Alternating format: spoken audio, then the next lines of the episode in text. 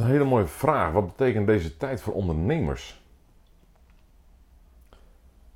Allereerst denk ik een hele spannende tijd. Je ziet ondernemers op dit moment enorm worstelen met de vraag van hoe blijf ik overeind.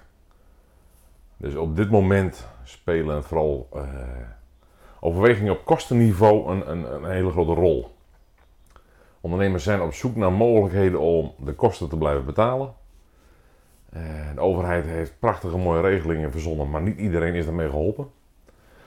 Ondernemers zijn op dit moment ook vooral op zoek van wie moet ik straks zijn na de hele coronacrisis.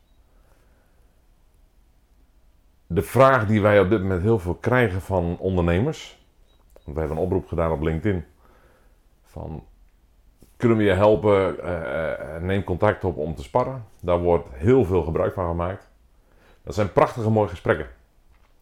Die gesprekken gaan eigenlijk continu over wat is straks mijn bestaansrecht nog? En dat is een hele moeilijke vraag voor ondernemers, want daar hebben ze bijna nooit over nagedacht.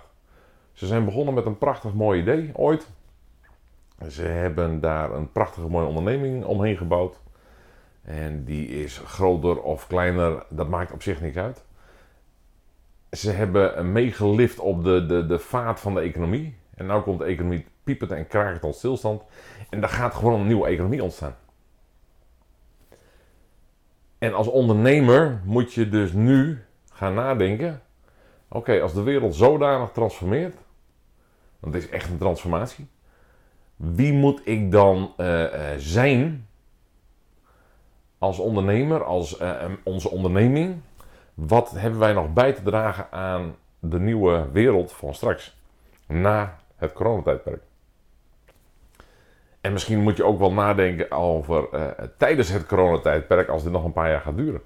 Ik heb geen idee waar het heen gaat. Uh, wat ik wel weet, en waar, tenminste wat ik weet, dat is een groot woord, want we kunnen niet in de toekomst kijken, maar waar al mijn, mijn uh, tentakels voor openstaan is dat de tijd van ikke, ikke, ikke wel voorbij is. Ik hoop van ganse harte dat het niet terugkomt. En eerlijk gezegd verwacht ik dat ook niet. Als we kijken wat voor tendens nu in de wereld ontstaat. Uh, van, van saamhorigheid, van op elkaar letten.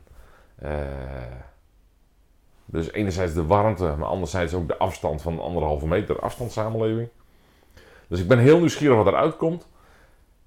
Maar ik weet ook dat de beelden van al die My Little Ponies op het strand, of die, die schoenen, uh, die plastic schoentjes uit China, en al die troep op dat strand met die containers die, die leeggespoeld waren.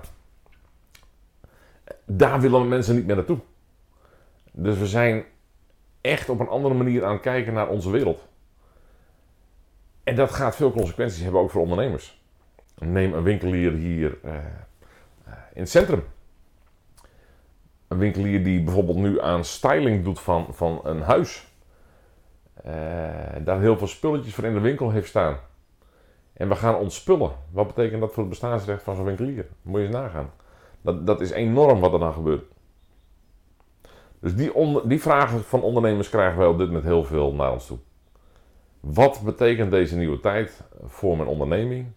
En hoe moet ik dan mijn onderneming in gaan richten?